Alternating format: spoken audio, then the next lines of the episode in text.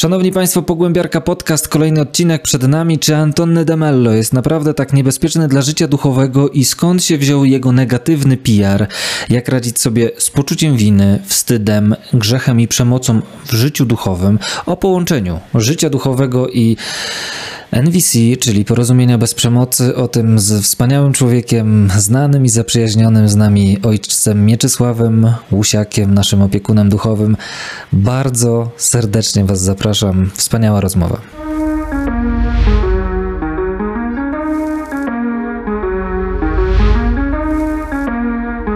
Tak prawdę mówiąc, to miałem duży czas oczekiwania na to spotkanie, dlatego że zazwyczaj rozmowy z Tobą są takie, które zostają w głowie i potem jest co trawić. I w całym zespole, jak rozmawialiśmy o tym, że będzie podcast z Tobą, to się wywiązała w ogóle taka lista cała pytań, o które trzeba Mietka zapytać. I od tego zacznę.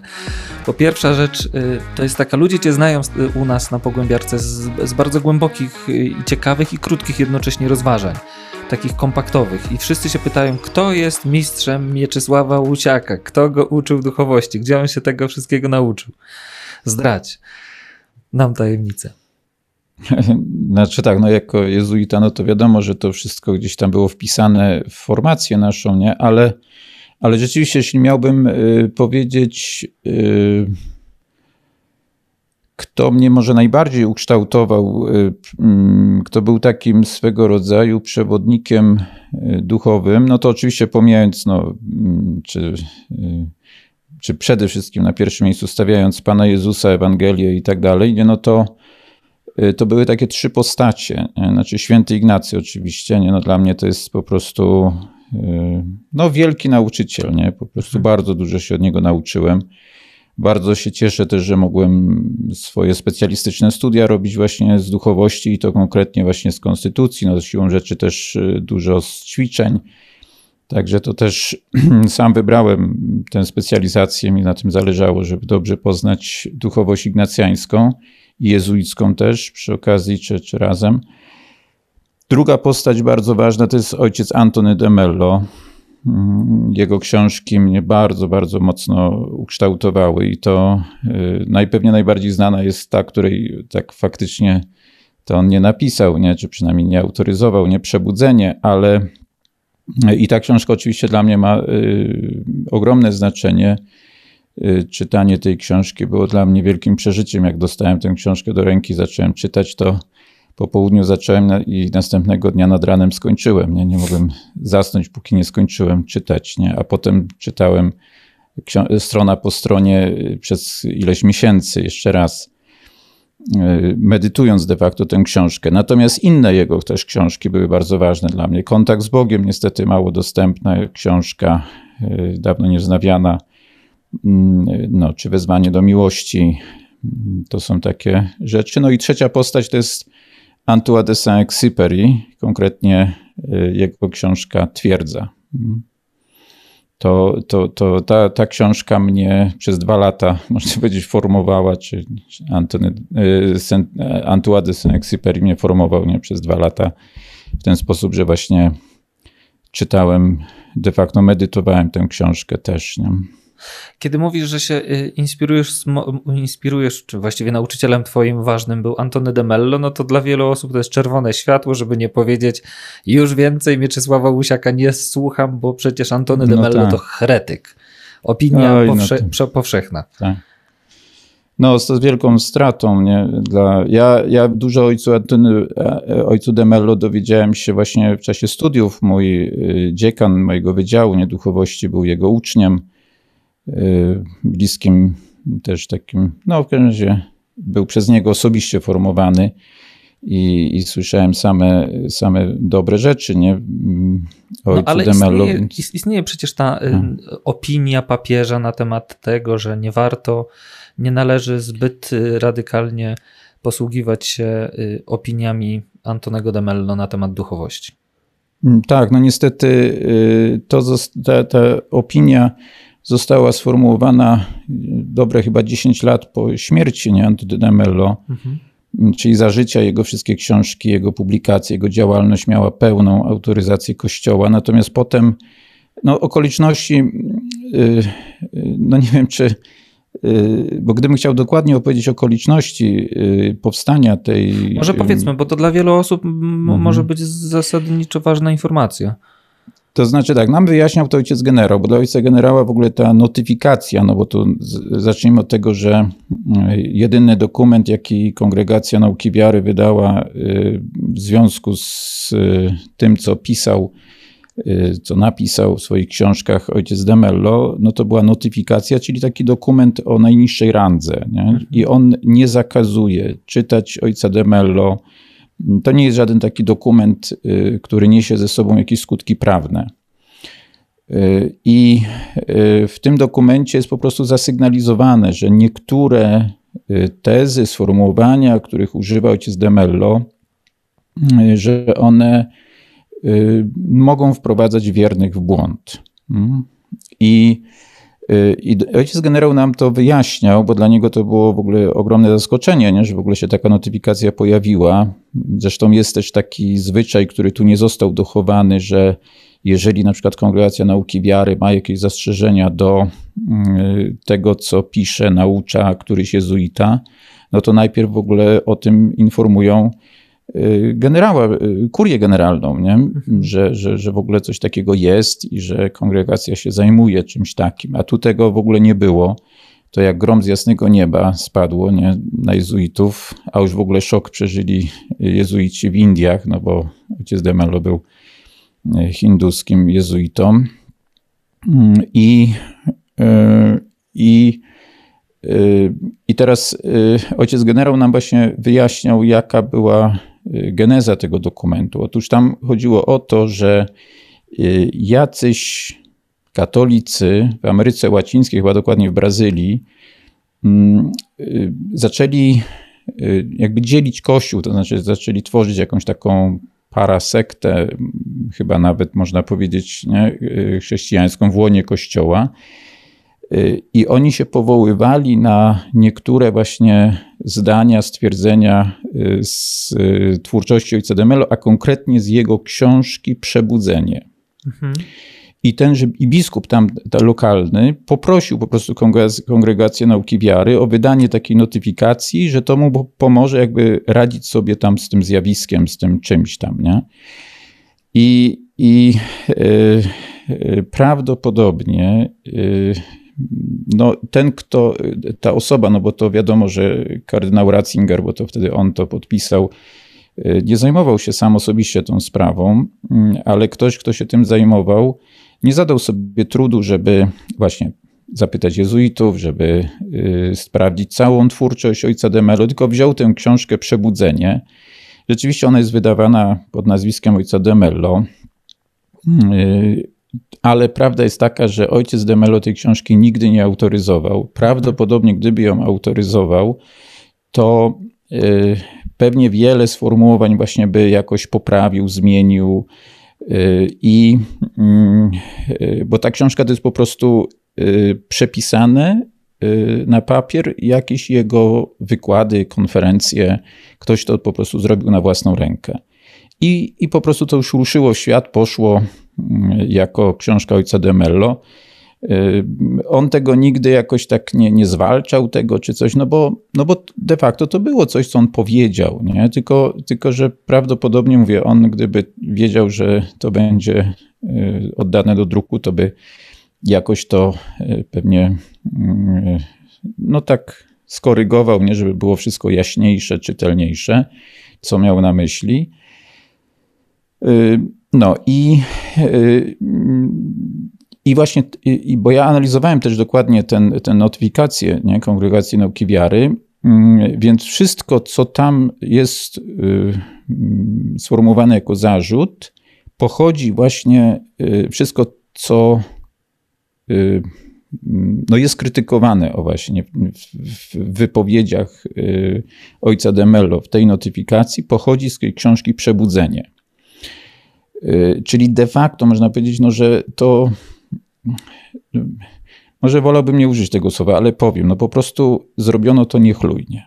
Mm. Mhm. I, no i, i, efekt jest taki, jaki jest. Nie poszedł, że tak powiem, taka opinia się rozniosła nie, po świecie. No ale no ale taka jest prawda. Po prostu ojciec generał był bardzo tym y, zasmucony tą całą sytuacją. Wiem, że nawet skierował, mówił nam przynajmniej, y, jak był to jeszcze ojciec y, bodajże Kolwenba chyba tak. No w każdym razie to był jakoś tam rok czy dwa po tym ojciec generał był w Polsce i wtedy go pytaliśmy. Nie? To nie było w czasie ostatniej wizyty ojca Sousy, nie tylko, tylko wcześniejszy. I wcześniejszy generał. I, I ojciec generał nawet skierował do mm, Kongregacji Nauki Wiary jakieś takie no, zapytanie, prośbę o wyjaśnienie, tak no po prostu jakby no interweniował w tej sprawie. No to nawet nie dostał odpowiedzi żadnej. Nie? Mhm. Tak nam mówił, nie? Że, że po prostu y, to jest o tyle przykra sytuacja, że Antony de Mello dla tych, którzy mają odwagę iść, kroczyć życiem wewnętrznym, życiem duchowym, jest niezwykłą inspiracją. No a, tak. a takie osoby, które są y, trochę przestraszone, czy obawiają się, że popełnią jakieś błędy na tej drodze, y, to przez tą notę oni się utrwalają w lęku i są zamknięci na tego nauczyciela, który no, tak. no, dla wielu był przełomowym, zwłaszcza dla takich osób, które tak. trochę były z pogranicza kościoła nawet i, i, i on tak. im po, pokazał dużo głębsze widzenie doświad- mhm. tego, w jaki sposób można Boga doświadczać, niż zazwyczaj to y, słyszeli gdzieś w kościołach. Y, tak, no ja muszę powiedzieć, że spotkałem sporo ludzi nie, na mojej drodze, w moim życiu, którzy czytali Ojca de Mello i to w większości to byli ludzie, którzy nie dlatego czytali, że ja poleciłem, nie, tylko już wcześniej natrafili na jego książki, notabene wydawane przez nasze wydawnictwo WAM, y, z wyjątkiem właśnie Przebudzenia. Nie? Przebudzenie y, my nigdy nie wydawaliśmy. I i te książki miały zawsze imprimatur i tak dalej, nie? że one zawsze były wydawane z, z pełną zgodą i pozytywną opinią teologów i tak dalej. No i właśnie y, spotkałem wielu ludzi, którzy mm, czytali te książki i właśnie y, wiele się w ich życiu i w nich, i w ich życiu duchowym zmieniło pod wpływem tych książek, a nigdy nie spotkałem nikogo, komu by te książki zaszkodziły. Nie? Twórczość ojca Demelo, żeby zaszkodziła, nawet przebudzenie. Nawet przebudzenie. No znamy historię, jak to wyglądało, więc chyba no, wyjaśniliśmy, że nie ma się co bać. Yy, Antonego. Mm, Mietku, było takie pytanie. My, myśmy w ogóle dyskutowali tutaj w zespole Pogłębiarki bardzo, bardzo długo na temat tego, bo powiedziałeś, że studiowałeś duchowość ignacjańską. Czy Ignacy Loyola powiedział, że należy pracować tak, jakby wszystko zależało -hmm. ode mnie, -hmm. czy powiedział zupełnie odwrotnie, bo obie, oba jego zdania są gdzieś przytaczane. Jaka prawda była? A, no właśnie, to jest tak, no jest dużo y, takiego zamieszania z tym. Y, otóż na pewno, to mogę powiedzieć no, z pełnym przekonaniem, powołuję się tutaj na mojego profesora, promotora pracy, ojca Manuela Ruiza Jurado, wielki autorytet. Y, w, hiszpański jezuita. Hiszpański jezuita, tak, który wiele, wiele lat był profesorem na Uniwersytecie Gregoriańskim w Rzymie i właśnie tam no, uchodził za absolutny autorytet, jeśli chodzi o znajomość, yy, zwłaszcza taką historyczną znajomość Ignacego, jego życia i tak dalej. I on nam wyjaśnił, jaka była historia z tą, z tą sentencją właśnie Ignacego. Bo tak, po pierwsze, y, ta sentencja nie jest nigdzie zapisana. Nie? Mhm. Święty, to nie, nie zapisał święty Ignacy. Y, to jest ustny przekaz. I, y, I nam ojciec Hurado mówił, że ten przekaz pochodzi od jakiegoś węgierskiego jezuity, który, nazwiska już sobie nie przypomnę jego, ale który znał osobiście Ignacego i po prostu to usłyszał kiedyś w rozmowie z Ignacym. Ignacy mu to po prostu powiedział, nie? święty Ignacy. I, I on to y, zacytował właśnie w takiej formie, y, w takim brzmieniu, że działaj tak, jakby powodzenie Twoich działań zależało od Boga, a ufaj Bogu w tych działaniach, tak jakby powodzenie Twoich działań zależało od Ciebie. I to jest oryginalne brzmienie. Potem jezuici zaczęli jakby kwestionować to, że to jest niemożliwe. Niektórzy jezuici, oczywiście, niektórzy zaczęli kwestionować, że to jest niemożliwe, że on tak powiedział. I zaczęli jakby tak, y, no nie, no zaczęli twierdzić, że ten węgierski jezuita po prostu się pomylił. Że przekręcił. Że to przekręcił, nie? On podobno bronił tego, nie, bo to już nawet za jego życia, jemu nawet mówiono, nie, że on czegoś nie pomylił, ale on tego bronił. I nawet w pismach wybranych, y, to chyba ojciec Bednarz, bo on był tam głównym redaktorem naszych polskich pism wybranych, mm, jest taki rozdział właśnie Sentencje świętego Ignacego i tam nawet ojciec Bednarz o tym pisze, że starsza, pierwotna wersja właśnie jest taka, jak przed chwilą powiedziałem. Natomiast ta wersja, że działa i tak, jakby skuteczność Twoich działań zależała od Ciebie, a ufaj Bogu, tak jakby zależało od Boga, że to jest y, późniejsza wersja, która została w dodatku właściwie upowszechniona dopiero przez ojca generała Jansensa w XX wieku. Mhm. Czyli jak należy interpretować ideę Ignacego? Mm, tę ten sentencję, tak? tak, jak, tak. jak ją rozumieć. Y, to znaczy tak, przede wszystkim to jest podstawowa sprawa, nie? Że, w, że kiedy ja działam, to ja mam być zawsze y, jakby y, za Panem Jezusem, za Panem Bogiem. Mhm. On jest tym, który działa. To, to było właśnie bardzo charakterystyczne dla świętego Ignacego, że dla niego Bóg był Bogiem działającym w świecie. On wszędzie widział, jak Bóg działa. Mhm działa. Nie jest tylko, tylko działa. Hmm? I, I święty Ignacy właśnie wypowiadając te słowa, zapewne, no, w każdym razie tak to nam przekazał ten, ten jezuita, który z nim rozmawiał, że jemu chodziło o to, y, żebyśmy y, nigdy nie wychodzili jakby przed Pana Jezusa, przed Pana Boga w naszym działaniu. Żebyśmy podążali za Nim Aha. i żebyśmy też y, nie nie nastawiali się na to, że właśnie y, nasze starania przyniosą jakieś efekty. W myśl zasady, że jeżeli Pan domu nie zbuduje, na próżno trudzą się budowniczy. Y, I to jest w ogóle podwalin, to, to, ta myśl, czy takie, takie ujęcie, spojrzenie, czy taki rodzaj, sposób aktywności, to są podwaliny Y, słynnej kontemplacji w działaniu, która stoi w centrum duchowości ignacjańskiej. Mhm. Y, to sformułowanie kontemplacja w działaniu pochodzi od ojca Nadala, który był też jednym z uczniów nie, świętego Ignacego. Y, święty Ignacy używał sformułowania szukać i znajdować Boga we wszystkim. Mhm. No, więc działaj tak, jakby właśnie powodzenie Twoich działań, starań i tak dalej zależało od Boga, czyli zawsze z Nim.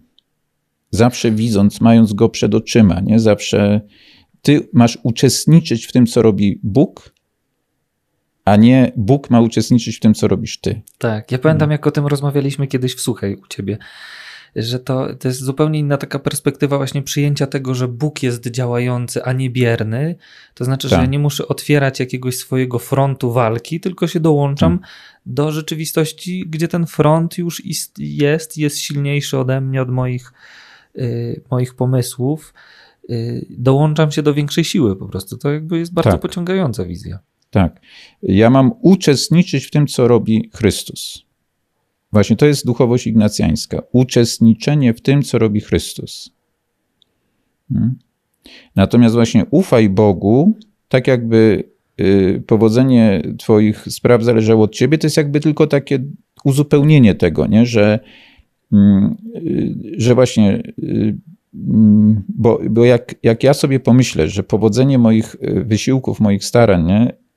zależy tylko ode mnie, no to momentalnie wołam, nie? Panie Boże, przyjdź, bądź i tak dalej. Nie?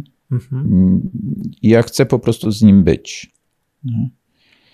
Y, no, natomiast y, no, no, najważniejsze jest to, czy, czy ważniejsze w tym jest to, to pierwsze, to, to właśnie zdanie, nie? że to drugie jest jakby moim zdaniem takim troszeczkę tylko dopowiedzeniem. Nie? Natomiast yy, natomiast yy, najważniejsze właśnie to, działaj tak, jakby powodzenie Twoich wysiłków, starań i tak dalej zależało od Pana Boga. Nie?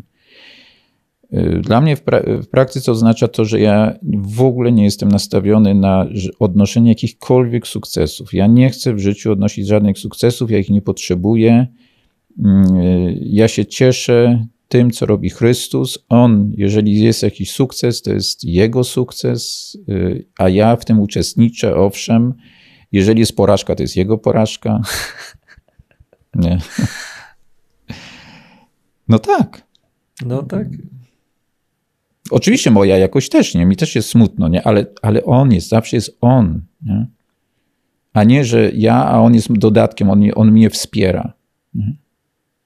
Bóg dla, właśnie dla Ignacego i staram się też, żeby dla mnie było tak samo, nie? Bóg nie jest tym, który mnie wspiera.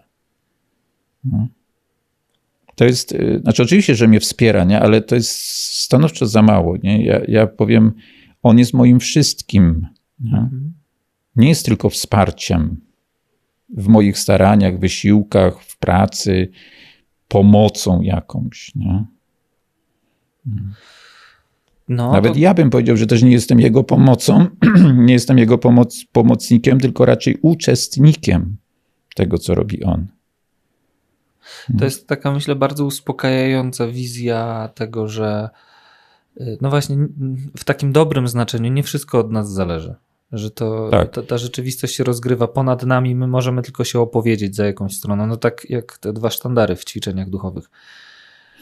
Y, dokładnie. Ja może jeszcze przytoczę taką, skoro już o tym mówimy, nie, to, y, to akurat powiedział Franciszkanin, ale to było bardzo jezuickie, bym powiedział, Aha. to co on powiedział. Kiedyś słuchałem, to było, nawet dokładnie pamiętam, bo to był wykład inauguracyjny na Kongresie Ruchu Światło-Życie w 2000 roku w Częstochowie. Ojciec Stanisław, chyba nie, nie mylę teraz imienia, Napiórkowski, profesor Kulu. I on miał wykład na temat udział człowieka w dziele zbawienia świata. Mhm. Mm. I on zaczął od takiego wspomnienia z dzieciństwa, że jak był małym chłopcem, stanął w progu domu, mieszkał taki y, bardzo ubogi, y, no pochodził z ubogiej rodziny wiejskiej na wsi lubelskiej, podlubelskiej i, i stanął w progu domu i zobaczył, jak mama wyciąga wodę ze studni, wiadro z wodą ze studni i zawołał do mamy, mamo, ja ci pomogę. I mama mówi: Tak, Stasiu, chodź, chodź, pomóż. No i on opowiada, że podbiegłem do mamy, chwyciłem z mamą razem to wiadro. Efekt był taki, że mama musiała nieść do domu nie tylko wiadro, ale i mnie. Przez to, że ja to wiadro trzymałem, to jeszcze po drodze dużo wody się wylało. No ale w końcu doczłapaliśmy się do kuchni. Y, on, y, mama postawiła to wiadro na podłodze, mnie wzięła, nie, on opowiada, na ręce, uściskała mnie i powiedziała: Stasiu, mój kochany, co ja bym bez ciebie zrobiła? No to i on podsumował to. I tak właśnie na tym polega udział człowieka w dziele nasz, nie w dziele zbawienia świata. Hmm. Ja się pod tym w 100% podpisuję. Mi się bardzo to spodobało, co on powiedział. Nie, to jest właśnie bardzo ignacjańskie. Działaj tak, jakby powodzenie wszystkich Twoich starań, prac, zaangażowań i tak dalej polegało, y, zależało od Boga. Hmm. Mhm. On jest sprawcą, on jest tym, który działa a ja mogę się do niego dołączyć i to jest dla mnie frajda. Mhm.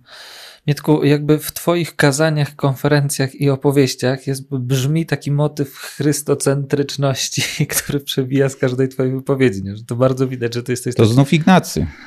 No, trochę Ignacy, trochę Mietek Usiak bo, y, bo to słyszymy od ciebie. I to jest takie bardzo pociągające właśnie, że to jest y, no, takie głębokie wewnętrzne oparcie o tą postać Chrystusa. Myślę, że to nawet psychologicznie y, super efekty może przynosić, że jest coś większego ode mnie, o co ja się mogę oprzeć, a nie rzeczywistość nieba, którą muszę zdobyć i wyrwać za wszelką cenę. Gdzie wiele osób tak myśli właśnie. Ale y, chyba nie o tym dzisiaj chciałem porozmawiać, bo jakkolwiek to bardzo pasjonujące to, co ty mówisz, to umówiliśmy się na temat rozmowy o porozumieniu bez przemocy. To też jest y, mhm. ciekawostka w kościele katolickim, y, że ksiądz katolicki zajmuje się NVC, Rosenbergiem, łączy to wszystko w duszpasterstwie. Jak, jak to się w ogóle zaczęło? I, a może co to jest porozumienie bez przemocy? Mhm. Bo pewnie wiele osób nie kojarzy tematu. Mhm. Znaczy tak, tak, bo y, jak mnie pytałeś o tych y, postacie takie, nie, które jakoś tam odegrały dużą rolę w moim życiu, no to nie wymieniłem Rosenberga, bo rzeczywiście nie postawiłbym go jakoś na równi właśnie nie, ze świętym Ignacym, czy, czy ojcem de Mello, czy, czy Antoine de Saint-Exupéry. Natomiast rzeczywiście, jak pierwszy raz wziąłem do ręki książkę, tu, tu, tu mam nawet przy sobie nie, książkę tę porozumienie bez przemocy y, marszala Rosenberga, A wziąłem dlatego, że tutaj w domu rekolekcyjnym, który prowadzę, ktoś mnie poprosił, żebym udostępnił po prostu dom y, na takie warsztaty dla rodzin. Się zgodziłem, się odbywały takie warsztaty i y, z uczestnikami po prostu rozmawiałem, a co to w ogóle jest. Mm, bardzo to chwalili, no i powiedzieli, że to właśnie jest oparte na porozumieniu bez przemocy i się zainteresowałem, kupiłem książkę. No i jak kupiłem książkę, to powiedziałem, no nie, no, no super rzecz, nie? To znaczy, mm, bardzo mi to wszystko grało po prostu z tym, co wcześniej wiedziałem, co umiałem, co z Ewangelią przede wszystkim, nie? Bardzo mocno mi też gra z wieloma aspektami właśnie y, duchowości ignacjańskiej. Mm, I, y, no i wiedząc jednocześnie, że te warsztaty y, prowadzone przez y, takich no, trenerów zawodowych, nie, że one po prostu dość dużo kosztują, więc i, by, i są niedostępne dla, dla uboższych, no to pomyślałem, że po prostu ja sam yy, będę. Się i zrobię. Tak, będę prowadził takie warsztaty, nie? że wiadomo, nie będę prowadził tak profesjonalnie jak y, trenerzy, no ale, ale y, bo rzeczywiście to jest bardzo, znaczy ja odkryłem w tym, jak tylko przeczytałem tę książkę, to y, od razu zobaczyłem, że to jest po prostu bardzo praktyczna pomoc, nie? wiele praktycznych wskazówek, jak przede wszystkim realizować sprawną, komunikację. A już wcześniej wiedziałem, że to, to, to jest chyba takie dość y, wiadome powszechnie, nie? że kryzysy małżeńskie, rozpad małżeństw i tak dalej, no bierze się po prostu z braku komunikacji, nie? czy ze słabej komunikacji. No a tu zobaczyłem w tej książce, w, tej, w tym porozumieniu bez przemocy po prostu cudowne wręcz narzędzie, y, jak się komunikować, żeby to było efektywne. Hmm? Ale bym powiedział, że, że potem z czasem to nawet e, e, no, zacząłem odkrywać w tym porozumieniu bez przemocy wiele takich no, tak głębokich rzeczy, spostrzeżeń, myśli różnych, nie? Mm, Mógłbyś podać które, jakiś przykład? To, które śmiało właśnie pozwalają mówić, że to jest coś więcej niż metoda komunikacji. Y, natomiast przykład. Y,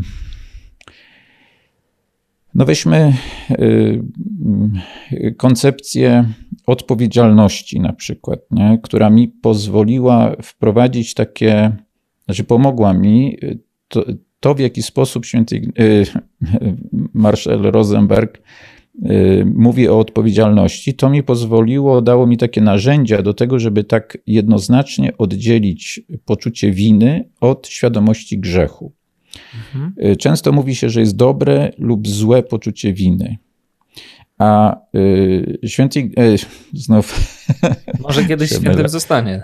Y, tak, y, Rosenberg, tak. No pewnie gdyby, gdyby był praktykującym katolikiem, to może, może faktycznie tak, nie? No jakoś tak Y, nigdy nie odnalazł się po prostu w kościele y, w ogóle, nie, nie tylko katolickim, ale w ogóle nie, ale był, y, on nie ukrywa swojej fascynacji nie, Chrystusem, Ewangelią. I więc Rosenberg, on mówi tak, że poczucie winy jest czymś no, złym, nie, w tym mhm. znaczeniu, że niszczy człowieka. Natomiast to, co jest rzeczywiście nam potrzebne, to jest świadomość błędu. On mówi błędu, a my wiemy przecież, że grzech to jest tłumaczenie greckiego słowa e, harmatia, jeśli dobrze e, wymawiam. E, tak, nie? które oznacza po prostu taką fatalną pomyłkę, chybienie celu. Mhm. celu nie? No i yy, więc, yy, więc ja pod wpływem na przykład Rosenberga yy, teraz już mówię tak, poczucie winy odrzucamy, pochodzi od złego ducha, a świadomość grzechu przyjmujemy pochodzi od dobrego ducha. Mhm. To jest super temat, dlatego że ja, ja, sam się jakby tak męczyłem kiedyś, długo y, żyjąc takim przekonaniem, że właściwie takie dokładanie sobie y, y, takich ciężkich przeżyć wynikających z tego, że zrobiłem jakiś grzech, to jest odpowiednia droga pokuty właśnie, że ja muszę teraz siebie upokarzać, siebie, y, sobie tak. tak dowalać i to jest myślę, że obiegowa w ogóle opinia w kościele. Tak, a z, chciałbym zwrócić uwagę, że w warunkach spowiedzi nie, dobrej spowiedzi, nie ma poczucia winy. Jest żal za grzechy. I, i teraz co jest, y, czym się różni żal za grzechy od poczucia winy? Poczucie winy to jest takie uczucie, że jestem zły, niedobry, yy, zawiodłem. Mm, I że muszę siebie no, ukarać.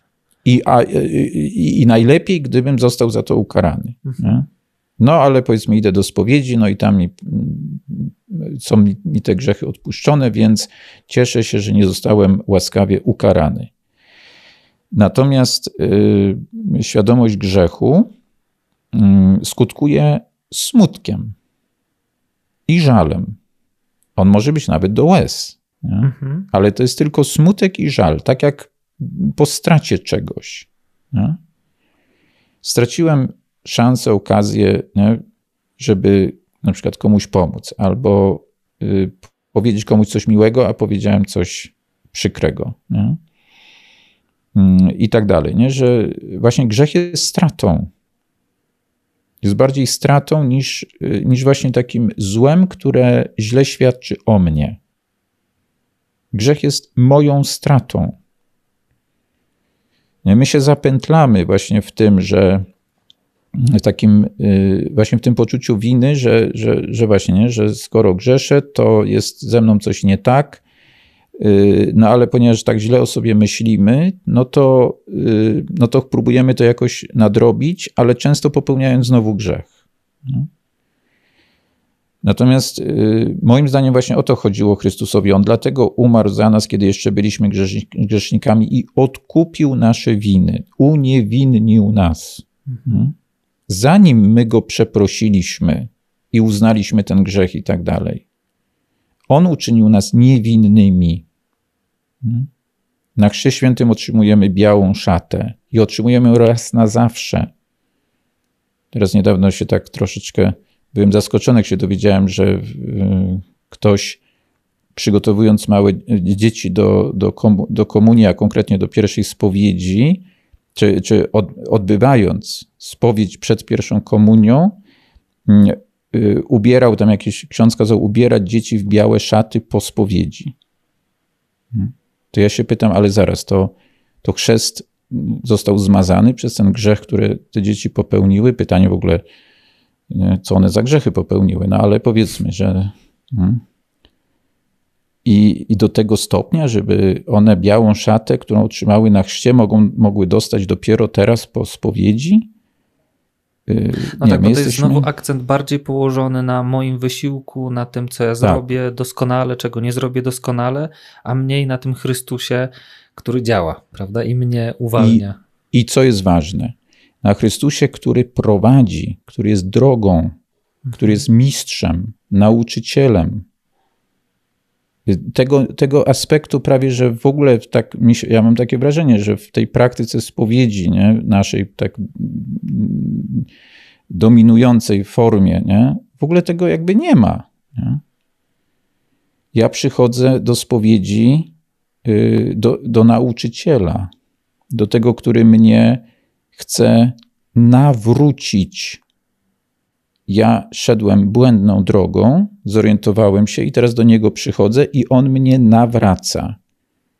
Nie oczyszcza z win. Z win to oczyścił mnie, jak umierał na krzyżu. Mhm. I ja to przyjąłem w momencie chrztu, tę prawdę. I ją wyznałem. No, jak byłem dzieckiem, no to rodzice za mnie wyznali, ale potem ja to y, jakby przyjąłem też, nie? zaakceptowałem a teraz to on mnie nawraca, bo ja, chociaż jestem odkupiony, uniewinniony, to chwilami błądzę, popełniam błędy. Jaka powinna być w takim razie motywacja do pójścia do spowiedzi?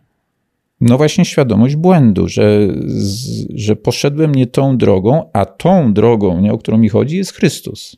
Dobrze, a jeśli ktoś na przykład idzie y, do spowiedzi y, z emocji, z tego, e, z tego ciężkiego przeżywania winy i tego, że już nie może się no, e, no dobrze, to jeżeli nie, e, Znaczy, bo to jest w ogóle poczucie winy, to jest w ogóle coś potwornego. I teraz, jeżeli, mm, jeżeli komuś spowiedź pomaga pozbyć się poczucia winy, no to dobrze.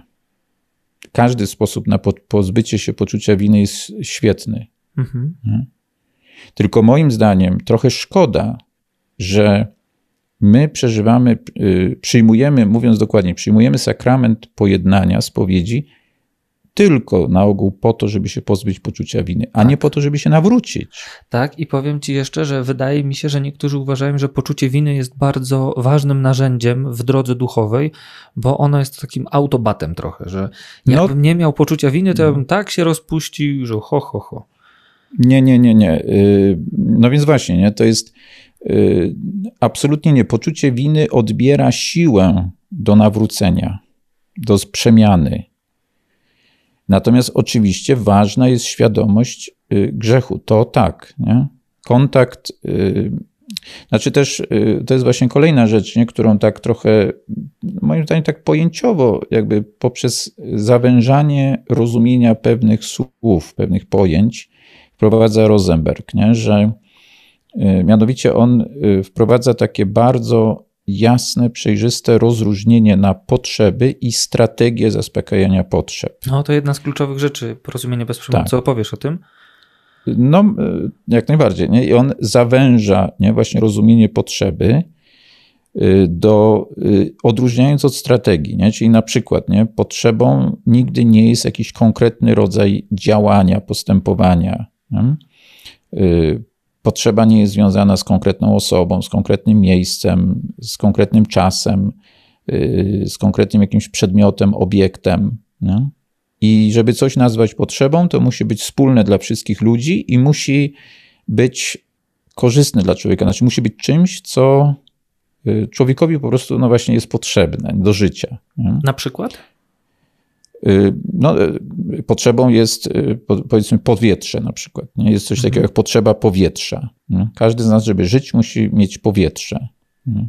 pożywienie, ale potrzebą jest również wolność. Człowiek zniewolony radykalnie może z tego powodu nawet umrzeć, a już na pewno nie będzie szczęśliwy. Czyli no wolność, autonomia Piękny no. temat, skomplikujmy sprawę. Jest mąż z żoną i ta żona tak potrzebuje bliskości, to jest jego potrzeba, a on tak potrzebuje wolności, że tutaj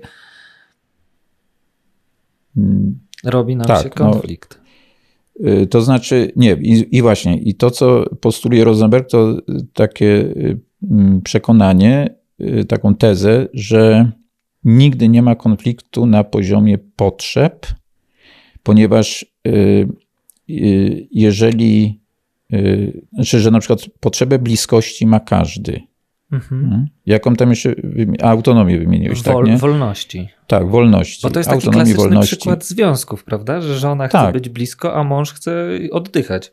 Nie, ale oboje mają te same potrzeby. Jedno i drugie ma. Kto nie ma potrzeby autonomii? Kto nie ma potrzeby bliskości? Każdy ją ma. Natomiast problem polega na tym, że Mm, ona na przykład chce, żeby on w ogóle, mm, żeby zaspokoić swoją potrzebę bliskości, to ona chce, żeby on na przykład nie jeździł na ryby. Nie? I w ogóle nie spędzał czasu z kolegami, tylko zawsze z nią. Tak. Ale to jest jej strategia na zaspokojenie tej potrzeby bliskości. I teraz strategia, chodzi o to, żeby. Okej, okay. czyli że to w jaki sposób ona y, tak. zbliży się do tej potrzeby. Tak, a on z kolei nie, odbiera to jako zamach na jego autonomię, no bo on chce zaspokajać swoją potrzebę autonomii w ten sposób, że będzie spotykał się z kolegami. Tak. I teraz chodzi o to, żeby oni znaleźli takie strategie, żeby on miał zaspokojoną potrzebę autonomii, a ona potrzebę bliskości. Tak, żeby... bo jakby też często się mówi o tym, że y, ja pamiętam właśnie u ciebie w Suchej, jak mieliśmy zjazd pogłębiarki, mieliśmy warsztaty z porozumienia bez przemocy, co się okazało hitem. To jedno, jedno, y, jedno zdanie, które mi zapadło bardzo mocno y, w głowie, mm, to to, że jest mm, ilość strategii do zaspokojenia konkretnej potrzeby jest nieskończenie dużo. Tak. Mhm To znaczy, że nie, nie, muszę mieć poczucie na przykład tej bliskości czy wolności, tylko na tej jednej drodze mogę jakoś inaczej osiągnąć to, to poczucie. Tak, natomiast y, konflikt, konflikty biorą się z tego, że ludzie się fiksują na jakiejś jednej, ewentualnie dwóch strategiach. No tak, bo to jest nawet takie, można by się po powiedzieć, że to jest jakoś logiczne, prawda? Bo jeśli mamy do czynienia ze związkiem, jest mąż z żoną, no ta żona ma oczekiwanie, że on będzie dla niej, będzie blisko i nawet się nie zastanawia, czy w taki sposób, czy w inny, tylko raczej się zastanawia nad tym, że no miał być dla mnie, no niech będzie. Mhm. I odpalam to, tą strategię, która jest w głowie najmocniej zakorzeniona. Tak, i w które, bo te strategie, y, które mamy takie jakby, mm, do których mamy jakieś szczególne przywiązanie, my je jakby zabieramy z, na ogół ze swojego rodzinnego domu. Aha. A teraz w małżeństwie żyjemy z innym człowiekiem, który z kolei pochodzi z innego domu, gdzie były inne strategie na zaspokajanie tych samych potrzeb. Y, I dopiero kiedy na tym gruncie, nie, właśnie tych strategii, ludzie zaczną rozmawiać, szanując, nie kwestionując właśnie potrzeb, nie? Y, rozumianych w taki bardzo zawężony sposób, mm, oddzielając je od strategii, nie, no to wtedy jest szansa, że dojdzie do porozumienia. Mhm. Czy może być y, zła potrzeba? Właśnie nie, nie, właśnie, żeby coś nazwać potrzebą, to znaczy to nie jest tak, że każda potrzeba jest dobra, tylko żeby coś nazwać potrzebą, to to musi być dobre dla człowieka. Dobre Czyli jeżeli człowieka. coś jest złe, to automatycznie y, wyrzucamy z katalogu potrzeb. Mhm. No, czyli na przykład ktoś ma potrzebę, mm, nie wiem, rozrywki, jest coś takiego? Jakieś formy rozrywki? Y, znaczy na pewno odpoczynku, relaksu, Natomiast no, zależy, co rozumiemy pod, pod słowem rozrywka. Nie? nie znaczy, bo tak, wprost może to zadam. Jakby słowo potrzeba y, jest takie delikatne, dlatego że dzisiaj potrzebą to używa, nazywamy wszystko, tak. prawda? Że z jednej strony potrzebą to jest się najeść, z drugiej strony mamy potrzeby duchowe, a czasami ktoś mówi, że ja potrzebuję od czasu do czasu przespać się z inną kobietą niż z moją żoną. No, takie zdanie słyszałem. No mhm. i, i teraz jak ktoś usłyszy, że, y, że potrzeby należy realizować wszystkie, y, no to co takiemu człowiekowi powiemy, czy na, taki, na, na taką sytuację? No a powiemy? tymczasem właśnie to, co postuluje Rosenberg i moim zdaniem to jest fajne, bo to porządkuje rzeczywistość, Nasz, nasze postrzeganie rzeczywistości. Mianowicie on postuluje, żeby, y, żeby nawet do katalogu potrzeb nie włączyć w ogóle współżycia seksualnego. A co mhm. dopiero współżycie z jakąś tam konkretną kobietą. Nie? Czyli, że nie ma po, ludzie nie mają żoną. potrzeby y, kontaktów seksualnych. Natomiast on, y, znaczy Rosenberg postuluje, tu się zgadzam, nie, że jest coś takiego jak potrzeba wyrażania swojej seksualności, płciowości. Wyrażania. Tak. Hmm? Takiego, no, no tak, po prostu hmm, tak, no takiej ekspresji swojej mhm. seksualności. Ale... No dobrze, ale przytrzymajmy się jakby przy tym przykładzie. Y, on chce y, y, zaspokoić tą swoją potrzebę, prawda? Że mówi, że jakby potrzebuje czegoś. Czy to jest radykalnie inny przykład, ale mm, to się zdarza, niestety. To się zdarza. I teraz, czy, czy to jest dobre? Bo on powie, że to dla niego to jest dobre, bo nie wiem, czuje się lepiej jakoś. Mm, nie, i teraz jeżeli jest, y, znaczy, mm, jeżeli ja chcę być w relacji z kimś, tak. on musi sobie zadać pytanie, nie? czy on chce dalej być w relacji ze swoją żoną, to, y, to on powinien również, znaczy to jest jakby to, czy ja jestem z kimś w relacji, czy nie, to uzależnione jest od tego, czy ja jestem zatroskany o jego potrzeby czy chcę uczestniczyć nie, właśnie w zaspokajaniu jego potrzeb, potrzeb, czy uwzględniam po prostu jego potrzeby. I teraz mm, właśnie o to chodzi, żeby on nie zignorował nie, potrzeb swojej żony. On może nie zgodzić się na jakieś konkretne strategie, które ona y, jakby no postuluje, czy no, czasami może nawet próbuje wymusić na nim. Mhm. Może być tak, ale yy, i na, I na to on nie musi się zgadzać, na każdą strategię, nie? tak samo mhm. żona. Natomiast, yy, natomiast właśnie chodzi o to, żeby yy, zatroszczyć się o potrzeby, bo, bo co, co jeszcze jest ważne? Potrzeby wszystkich, to, to też o tym mówi Rosenberg, i bardzo mi się to podoba, że potrzeby wszystkich są równe, tak hmm. samo ważne. Hmm? Czyli moja potrzeba nie jest y, ważniejsza niż potrzeba. Potrzebniejsza twoja. niż, niż twoja. Tak.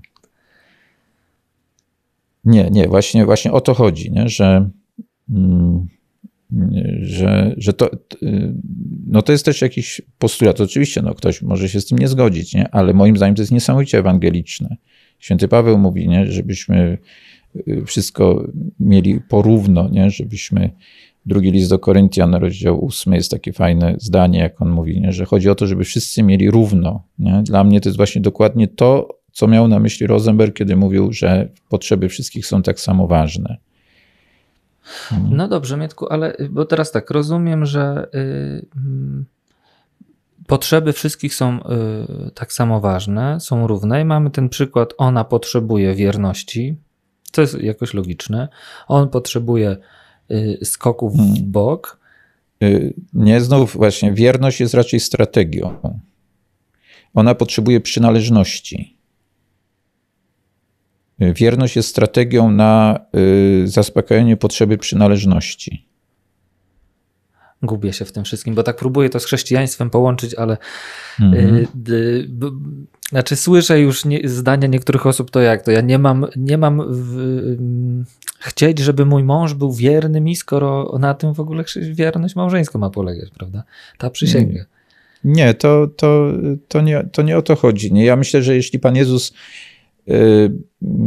mówił, że małżeństwo powinno być nierozerwalne, to miał na myśli właśnie to, że wierność małżeńska jest doskonałą strategią na zaspokojenie potrzeby przynależności.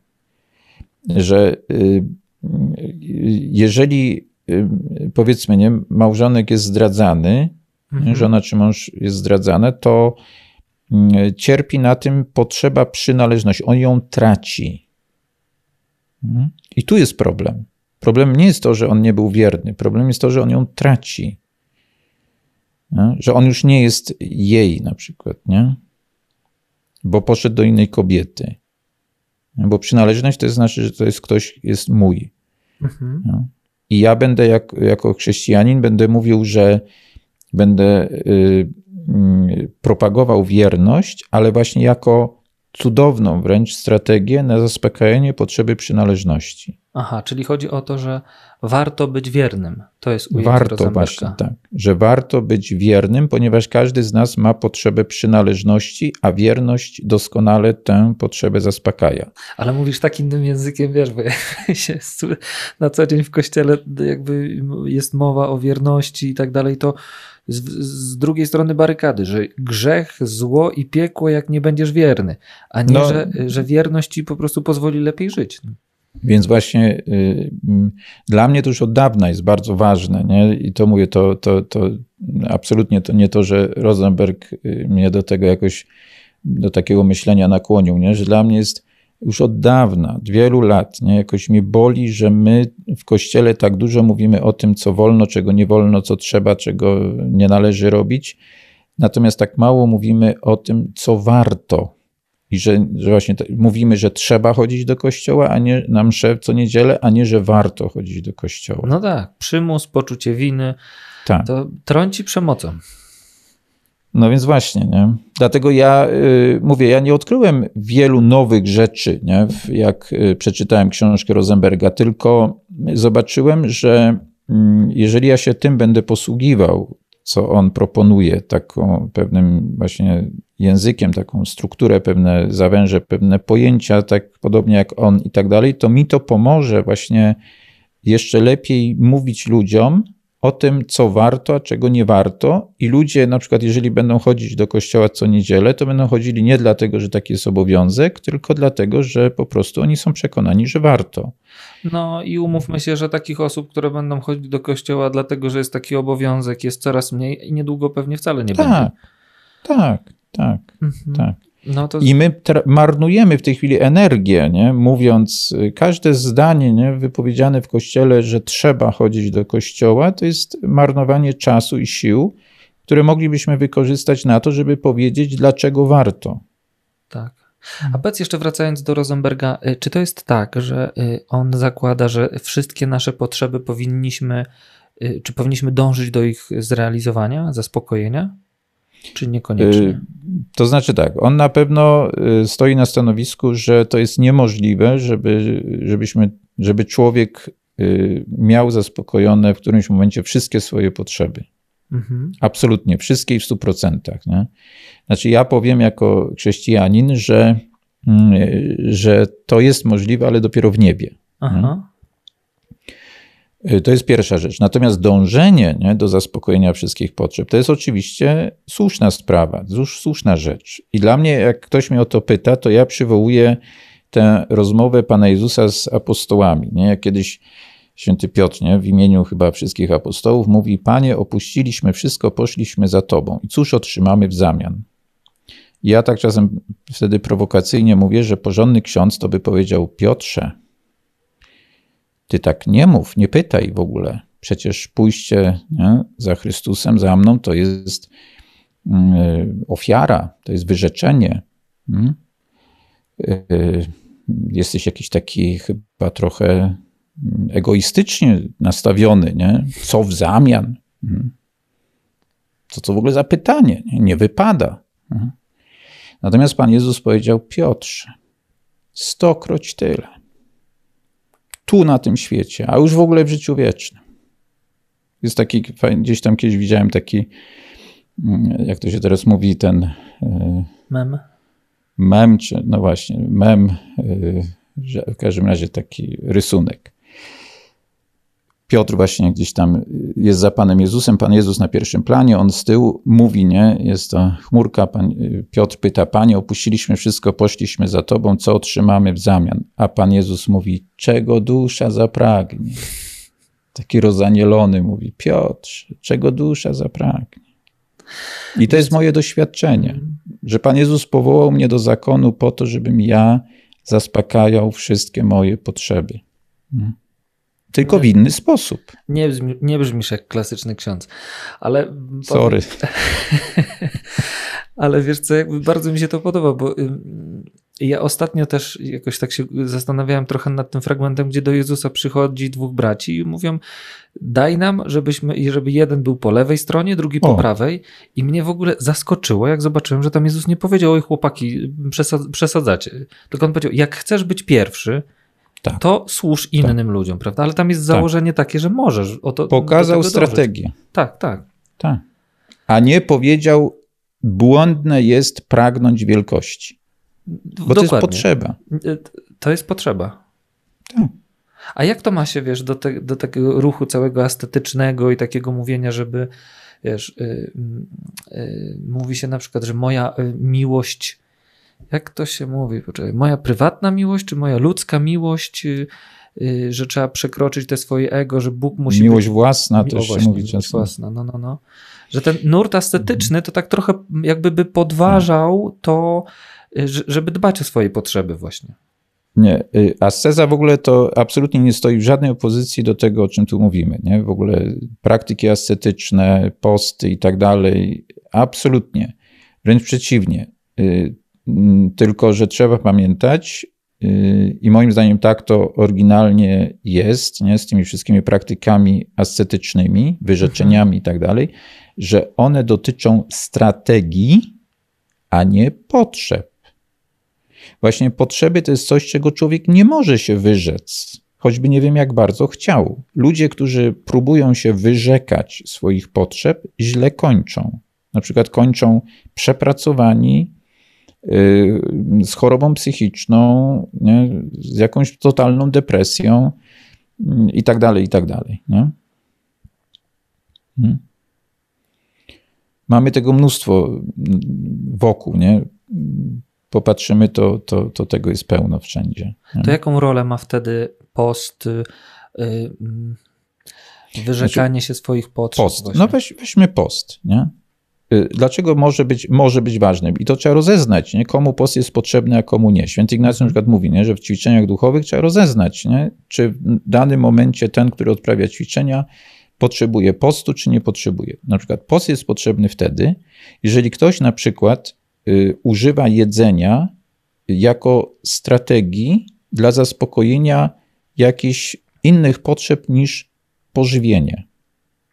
To znaczy, żeby lepiej się poczuć, na przykład najem się tak. czekolady. Ludzie na przykład zajadają stres. Nie? Tak. Mhm. Y, regulują sobie na przykład jedzeniem, zwłaszcza słodyczy, regulują sobie nastrój. Zamiast zadać sobie pytanie, dlaczego ja jestem smutny, dlaczego jestem rozdrażniony, jaką mam niezaspokojoną potrzebę, skoro jestem smutny, skoro, skoro jestem rozdrażniony. Hmm? Mhm. I teraz, jeżeli ja y, sobie powiem, dobrze, to nie będę jadł słodyczy, to ja mogę wtedy dopiero daję sobie, stwarzam warunki do tego, żeby skonfrontować się z tymi moimi emocjami, które ja starałem się jakoś regulować, y, regulować y, poprzez jedzenie nie, dużych ilości słodyczy. No tak, mhm. ludzie mają z wieloma czynnościami, z, tak. E, z nie wiem, ze sportem niektórzy tak mają, e, seksem ludzie załatwiają mnóstwo rzeczy, tak. E, aktywnością zawodową. Ja powiem, powiem tak. Nie, I to że... są strategie, tak? To są strategie tak. na, na, na, jakieś tak. potrzeby. Ja powiem tak, jak ja to powiedziałem, to o czym teraz rozmawiamy, jak ja to powiedziałem alkoholikom po terapiach, nie?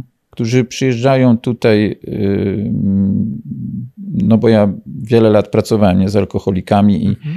więc cały czas z nimi mam kontakt i oni chętnie jakoś tutaj przyjeżdżają na rekolekcje. I, i właśnie na jednym takich weekendowych rekolekcjach, jakim o tym powiedziałem, y, to oni powiedzieli, y, bo wcześniej było tak, że zwykle zapraszali też jakby w ramach rekolekcji jakichś terapeutów. Nie? Którzy im tam coś jeszcze przypominali, co było na terapii i tak dalej. I jak ja im to powiedziałem, o czym w tej chwili rozmawiamy, to oni powiedzieli, że na następnych rekolekcjach to my już nie chcemy żadnych terapeutów, tylko my chcemy, żeby ojciec nam dalej o tym opowiadał. Bo ja im właśnie to powiedziałem, że wasze picie alkoholu to była strategia dla zaspokojenia potrzeb, a właśnie mówiąc dokładniej, dla radzenia sobie z emocjami, które mówiły o tym, że macie jakieś niezaspokojone potrzeby. I wy zamiast skontaktować się ze sobą, czyli nazwać te emocje i zapytać, jakie potrzeby niezaspokojone za tymi emocjami stoją, to wy wzięliście flachę i żeście po prostu tak długo pili, aż alkohol y, zaburzył wasze funkcjonowanie układu nerwowego i przestaliście czuć to, co czuliście. Hmm a potrzeby dalej były niezaspokojone. E, czy ja dobrze pamiętam, e, e, że w tej szkole Rosenberga rozróżnienie jest na uczucia, powiedzmy w cudzysłowie, nie wiem czy precyzyjnie się wypowiem, przyjemne, które świadczą o tym, że nasze potrzeby są zaspokojone, oraz takie trudne, i te trudne mówią o tym, że tak. jakaś emocja właśnie jest, że jakaś potrzeba nasza jest niezaspokojona. Tak, tak. To znaczy dokładnie tak. Y, no chyba najczęściej y, tu w porozumieniu bez przemocy mówimy o emocjach właśnie trudnych i komfortowych. Mhm. Komfortowe mamy, czyli te przyjemne, one mówią o tym, że jakaś moja potrzeba w tym momencie jest zaspokajana. Na przykład ktoś y, mnie pochwalił.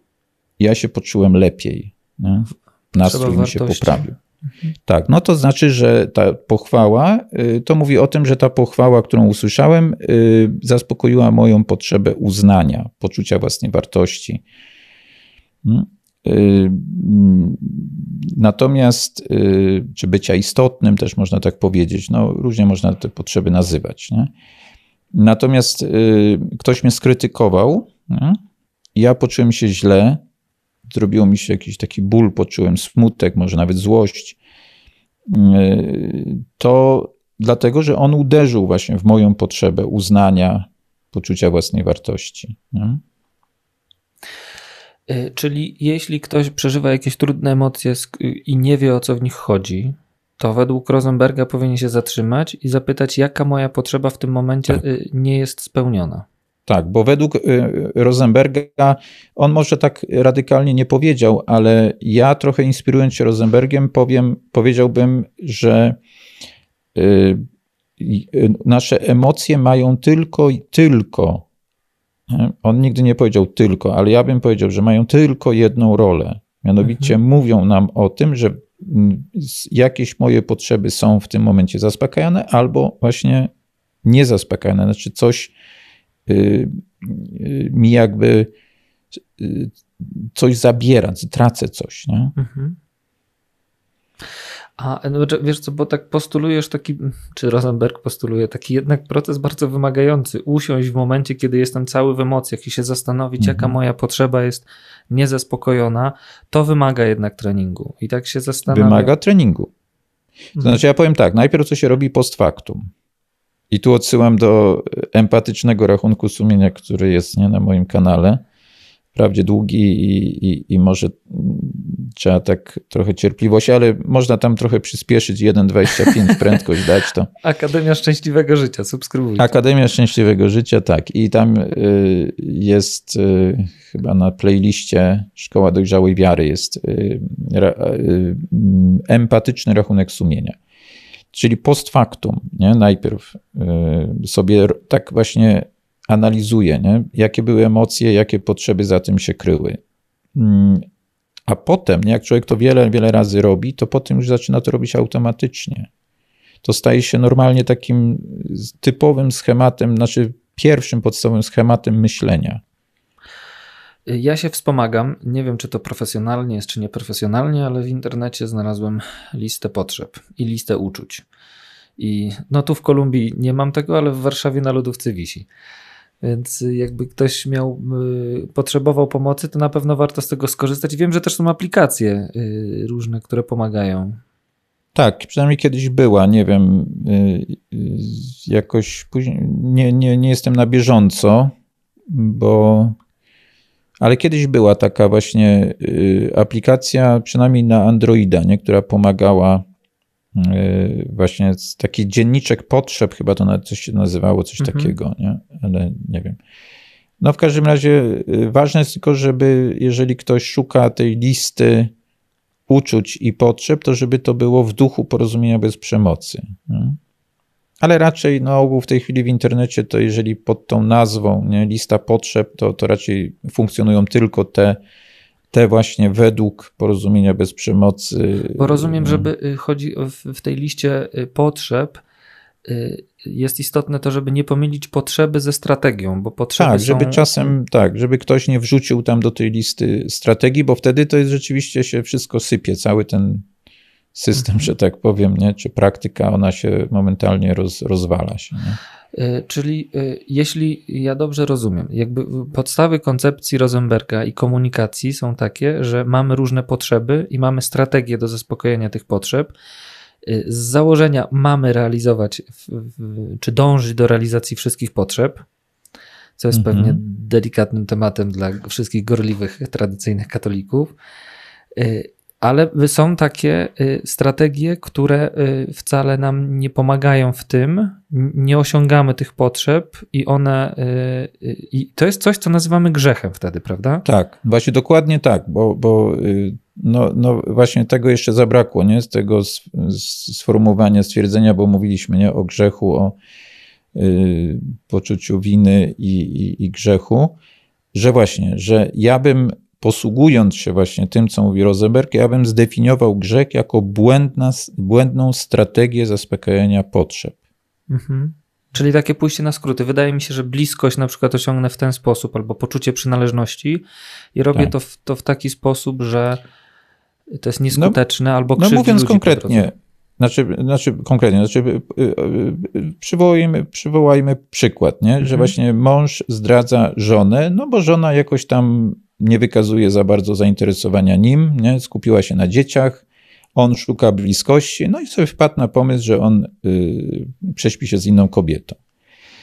I w ten sposób sobie zaspokoi potrzebę bliskości, czy też właśnie wyrażania swojej seksualności i tak dalej. Nie?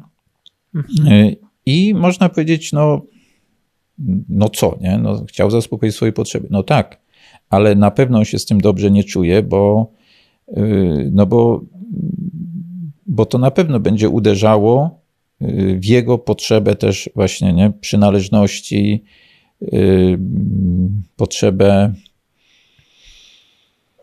Mm, no, no to teraz zależy, nie? jak kto to konkretnie przeżywa. Nie? No ale to jest jakaś wyrządzona też krzywda drugiej osobie. I teraz tak Natomiast jeszcze bardziej właśnie to uderzy w potrzeby żony. Nie?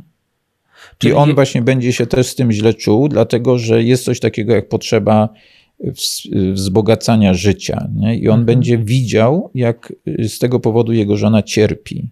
Nie? I on Y, także, czyli, y, czyli ta strategia, którą on wybrał, ona owszem, y, trochę mu pomoże zaspokoić jakąś tam potrzebę, ale jednocześnie uderzy wiele innych jego potrzeb. I chodzi o to, żebyśmy szukali takich strategii, które nie będą przynosiły żadnych szkód, a tylko zaspokojenie potrzeb moich i cudzych. Okej, okay. czyli y, tak dla rozróżnienia. Jeśli widzę, że jest coś, co ja nazywam swoją potrzebą, ale widzę, że to jest w konflikcie z potrzebą innej osoby, albo komuś zrobi krzywdę, albo mi zrobi krzywdę, to, to nie jest potrzeba, tylko to jest jakaś strategia. Potrzeba jest inna. Tak, tak. No i de facto nie ma konfliktu właśnie na poziomie potrzeb, E, jedynie można powiedzieć, że w danym momencie nie, ja e, wżywa we mnie jest ta potrzeba, a u innej osoby inna. Nie?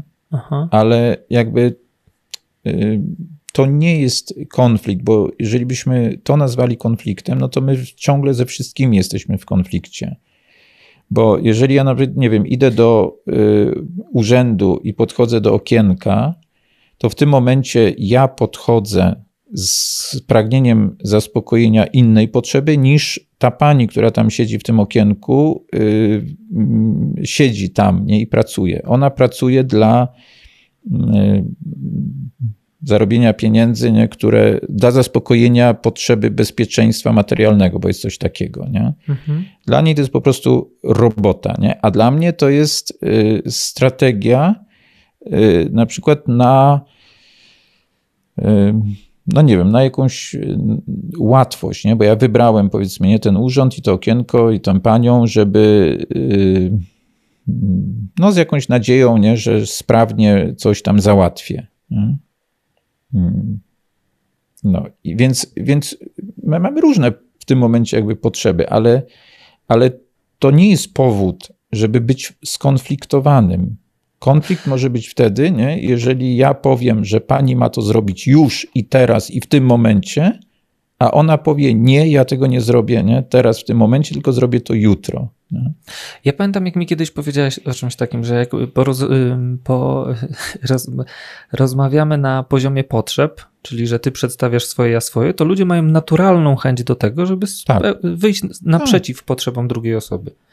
Tak, na przykład, o właśnie, nie? Ten, jeżeli taki y, ktoś właśnie, no weźmy ten przykład dalej, nie? Z tym, z tym okienkiem i urzędem, nie? Jeżeli ja powiem tej pani, proszę pani, ja bym chciał, żeby pani natychmiast mi tutaj coś załatwiła, no to ona może się zjeżyć, nie? Bo to jest powiedziane, jak ona ma spełnić tą potrzebę, tak, strategię. Bo tu już konkretnie ktoś jej coś konkretnie narzuca, nie? co ona ma robić, a ona przecież jest tam, ona jest ważniejsza, ona ma władzę, nie? E, a poza tym jest przeciążona pracą, ma mnóstwo takich rzeczy na głowie i tak dalej. Nie? Natomiast jeżeli on podejdzie i powie, proszę pani, jakoś tak, e, e, no ma, jestem w takiej sytuacji, że, że bardzo zależy mi na jakiejś sprawności, efektywności, nie? znaczy jakiejś tam mm, realizacji, nie? po prostu sprawnych, sprawnie jakichś działań, nie? bo Mm, no właśnie, nie? i powie po prostu, będzie mówił o, o swoich po prostu potrzebach. Bo mam chore no? dziecko w samochodzie, które czeka akurat. Mm, tak, nie? zależy mi właśnie na, na, na sprawności, bo z kolei boję się właśnie o moje dziecko, nie? na przykład, nie? które y, rzeczywiście źle się czuje i, mm, nie? I, i chciałbym je zatroszczyć się o nie, nie? czyli o moją potrzebę bezpieczeństwa, no bo to bezpieczeństwo dziecka jest też jego bezpieczeństwem, nie? No to ona już to odbiera inaczej, nie? I Tak, ona to- zaczyna sama od siebie myśleć, aha, proszę pana, no to jeżeli tak, wie pan, ja w tej chwili mam dużo roboty, ale może ja poproszę tam nie, jakąś koleżankę i może ona y, wtedy to załatwi. Nie? Tak, tak. Bo mówienie, czy, czy kiedy słyszymy o potrzebach innych osób, to nie, nie, nie pojawia się w nas opór. Tak. E, Jakby to jest coś charakterystycznego. E, m, Bo e, ciekawostką jest to, że e, ty poza e, kazaniami, konferencjami, w których wplatasz porozumienie bez przemocy, to rozpocząłeś cały ruch e, rodzin empatycznych, który jest oparty o ten sposób komunikacji. Tak, tak. Powstały wspólnoty. W tej chwili są 22 wspólnoty w całej Polsce. Konkretnie Trójmiasto, Bydgoszcz, y, Warszawa, Łódź, Wrocław. Y, Są też, jest też grupa, która się tylko wirtualnie spotyka, bardziej złożona z takich już y, trenerów, czy w każdym razie tych, którzy uczą innych nie? porozumienia bez przemocy. Nie wszyscy są może trenerami w sensie ścisłym, ale no, no w każdym razie 22 y, grupy, mniej więcej po 10-12, średnio chyba 12 osób można powiedzieć, nie? czyli zwykle są to pary, ale nie, nie ma takiego wymogu, że to nie musi być para, nie musi to być małżeństwo sakramentalne, no ale większość to są pary, małżeństwa sakramentalne. Tak. Znowu się narażasz. Przyjmując niesakramentalny. No dobrze, ale zostawmy to. Co wy tam robicie? Znaczy, no, y, mm, dla mnie osobiście, znaczy myślę, że dla, dla tych y, osób też, no, jest to przede wszystkim formacja duchowa. Mhm. Jednak y, pogłębianie wiary, takie właśnie odnajdywanie, szukanie Pana Boga w tym życiu właśnie rodzinnym, małżeńskim, ale y, z jakimś dużym akcentem na naśladowanie Pana Jezusa, nie? Czyli, czyli właśnie na takie rozmowy o tym, mm, jaka jest, na czym polega miłość, której uczy Pan Jezus. I ja do tego właśnie objaśniania, na czym polega miłość, której uczy Pan Jezus, używam porozumienia bez przemocy. Tak bym to ujął. E, Tak, ale ja, jeśli ja dobrze rozumiem, to y, taka zasadnicza część pracy, którą wykonujecie w, w, rodzinach empatycznych, to jest wdrożenie tego sposobu komunikacji, mówienia o swoich potrzebach i Y, unikania znaczy- przemocy. Czy Znaczy, nie wiem, nie, nie powiedziałbym, że to jest zasadnicze. yy, Natomiast jak- jakiś, jakiś zasadniczy element, nie? Natomiast rzeczywiście yy, mm, Stosujecie tę metodę. Tak, yy, w każdym razie na pewno yy, każdy, kto jest w tych grupach, chce się tego nauczyć i uczy się, no wiadomo, każdy gdzieś tam w swoim tempie, ale każdy się tego uczy i chce się tego nauczyć, ale yy, jakby no celem tych spotkań naszych to nie jest uczenie się NVC, tylko naśladowanie, tylko uczenie się miłości takiej, jakiej, jaką pokazał Pan Jezus, o jaką chodziło Panu Jezusowi, z wykorzystaniem NVC. No ale żeby wykorzystać NVC, no to trzeba się tego NVC nauczyć. No, No tak. oczywiście, że tak. To jest, wiesz co, powiem ci, jak ja cieszę się, jak to słyszę, dlatego że większość takich grup w kościele y, około rodzinnych i, y, i małżeńskich, i, może się mylę, ale ja mam takie wrażenie, że to jest mówienie jak trzeba y, i czego nie wolno, y, a bardzo mało się mówi o Znaczy, tym, jak co, co trzeba, co, co robić i czego nie robić, natomiast nie mówi się jak robić. Tak, nie ma podanej drogi nie? i ludzie naprawdę chcą w, realizować pewne wartości, bo one są pociągające, ale droga do ich zrealizowania często jest taka trudna i, i, i, brak przewodnictwa w tym, nie? więc to, co ty proponujesz, Mhm. to jest po prostu no, w końcu jest jakaś metoda. Na, na, na No, to na pewno tak, powiedzmy. na pewno jest metoda, tak.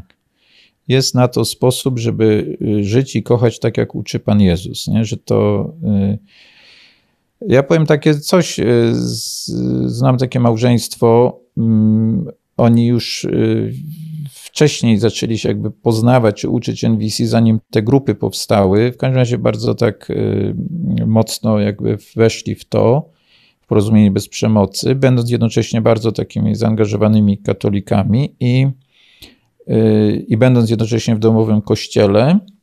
Y, I spotkałem niedawno y, małżeństwo z domowego kościoła, ze jednej ze wspólnot domowego kościoła, którzy mi opowiedzieli o rekolekcjach nie, domowego kościoła, które prowadzili właśnie ci dwoje, to małżeństwo, o którym wspominałem. I oni je prowadzili właśnie, y, prowadząc te rekolekcje, jednocześnie uczyli właśnie NVC.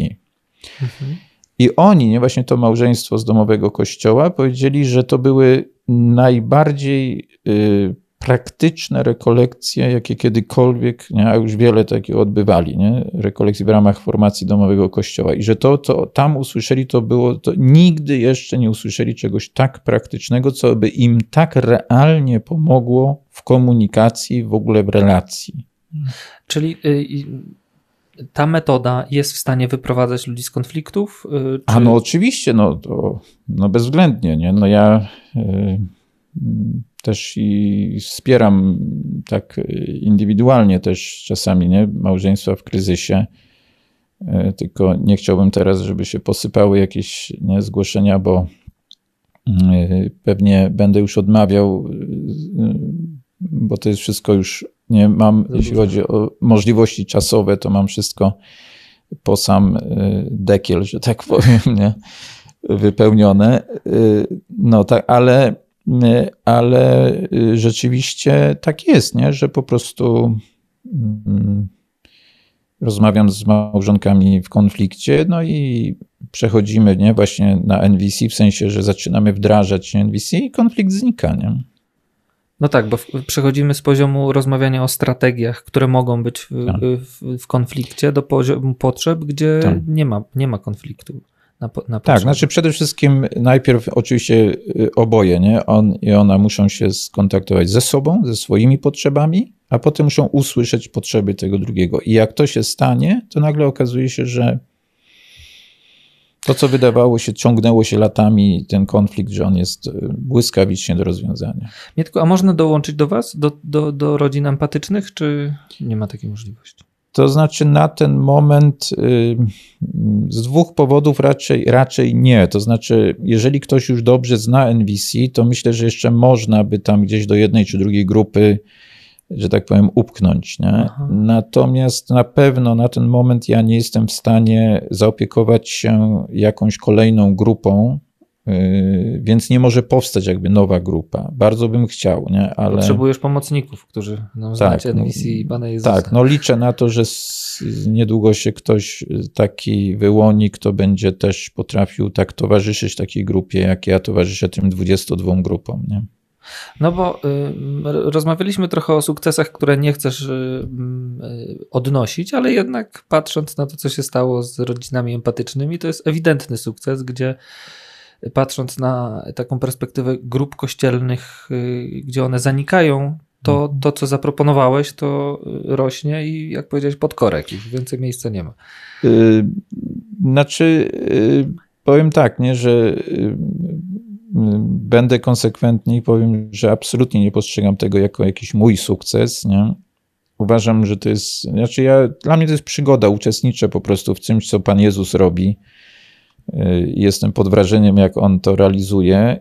I rzeczywiście muszę powiedzieć, że w tej chwili mam tyle sygnałów, różnych zapytań, nie właśnie o, o te grupy, o możliwość tworzenia, włączenia się, czy mm, zapisania się, że tak powiem, do tych grup, nie? że faktycznie wydaje się, że mm, no, no, że już mógłbym od ręki, nie? Pewnie jakbym powiedział, że tworzymy 10 grup, no to w ciągu miesiąca by chyba się sformułowały. Nie? No dobrze, a teraz jeśli ktoś nie może w tym momencie uczestniczyć yy, z wami, ale jakby pociągnęła go ta mm, myśl NVC, co byś zaproponował takiej osobie? Znaczy, no na pewno y, przynajmniej y, korzystanie z y, tego, co jest na kanale YouTube, YouTube'owym moim Akademia Szczęśliwego Życia. Konkretnie najbardziej, no tutaj bym polecał oczywiście rozmowy o NVC. Jest taka, takie kilka mm, rozmów i potem postanowienia o życiu bez przemocy, które też są rozmową, mm, rozmową między y, mną i dwojgiem trenerów certyfikowanych NVC, Beatą i Piotrem Hołtyń. mm, no to bym na pewno, ja myślę, że z tych rozmów, takie mam sygnały, że ludzie, którzy to słuchają, to wiele jakoś to im wnosi mhm. i, i wyjaśnia i pokazuje i tak dalej. Natomiast y, na pewno też polecałbym w ogóle jakiekolwiek warsztaty z porozumienia bez przemocy. Bo wokół ciebie jest grupa trenerów, y, którzy uczą. Tak, tak, tak. No najbardziej, najściślej współpracuję z Beatą i Piotrem Hołtym, bo oni są zbyt goszczy. Zresztą jest to jedyne w Polsce małżeństwo, gdzie oboje są trenerami NVC. Jest też taki no, atut, czy jak nie wiem jak to powiedzieć, no w każdym razie fajna rzecz. Mm, y, y, fajną rzeczą jest po prostu uczestniczyć warsztatach przez nich prowadzonych. To jest taki jakby wartość dodana, że oni są jednocześnie małżeństwem. I mm, natomiast y, mm, co poza tym? No, no właśnie, no warsztaty, które no nie po, są tylko stricte z NVC, nie? no to już też może bardzo pomóc. Mam nadzieję, że, y, że w przyszłym roku latem uda się jakiś turnus taki warsztatowy, wakacje z warsztatami tutaj w Suchej, nie w domu rekolekcyjnym zrobić dla rodzin spoza Y, tych rodzin empatycznych spoza tych wspólnot, bo w tym roku się nie udało, tylu było chętnych samych grup, wspólnot. No ale zobaczymy, może w przyszłym roku się uda. Hmm. No, no niestety, jeśli chodzi o taką, o uczenie się NVC, ale jednocześnie, żeby to było połączone z takim rozwojem duchowym, konkretnie y, chrześcijańskim, nie? Mm, takim, takim w duchu Ewangelii, no to. To jesteś no to nie mam... w Polsce, jeśli nie na świecie.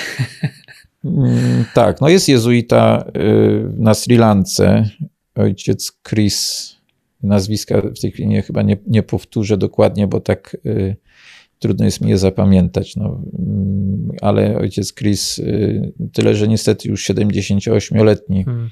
certyfikowany zresztą trener NVC. Nie? Więc no ale drodzy, na Sri Lankę jest dość daleko. No, zdecydowanie bliżej jest na y, Akademię Szczęśliwego Życia na YouTube, więc polecam wszystkim, subskrybujcie. Mnóstwo naprawdę bardzo ciekawych materiałów y, i bezpośrednio o porozumieniu bez przemocy i komentarze Ewangelii i poruszania wielu ciekawych tematów, więc spotkajmy się na Akademii Szczęśliwego Życia. No dzisiaj musimy już wylądować, ale no cóż, nie żegnajmy się, tylko zatrzymajmy temat po prostu. No jak najbardziej, nie? Tylko jeszcze może dodam, że y, no dojrzewam do tego, że chyba muszę książkę napisać po prostu no w końcu, o tym. Nie? W końcu. Więc może jakby ktoś z was chciał pomóc y, ojcowi Mietkowi w pisaniu książki, to pewnie przyda się pomoc, prawda? No, jakby ktoś wiedział, jak, jak to mogę, mógłbym zrobić sprawniej, zrealizować, to, to pewnie tak, y, ale rzeczywiście myślę, że, mm, że to, by, to by też. Y, no, mam takie poczucie, że, że właśnie towarzysząc Panu Jezusowi, zdobyłem doświadczenie. On mnie poprowadził, on mi pokazał, on. Nie? No właśnie, szedłem za nim i, i gdzieś tak zaszedłem, nie, że mam takie poczucie, że, że teraz rzeczywiście mogę przekazać ludziom wiele fajnych, ciekawych rzeczy, zwłaszcza ludziom żyjącym w małżeństwie. Mhm. A z doświadczenia moich przyjaciół i znajomych, którzy obserwują Akademię Szczęśliwego Życia, wiem, że jak ktoś złapie bakcyla, to później już nie odstępuje, więc osobiście bardzo polecam. Dzięki Mietku. No, również. Do następnego. Miło było, fajnie.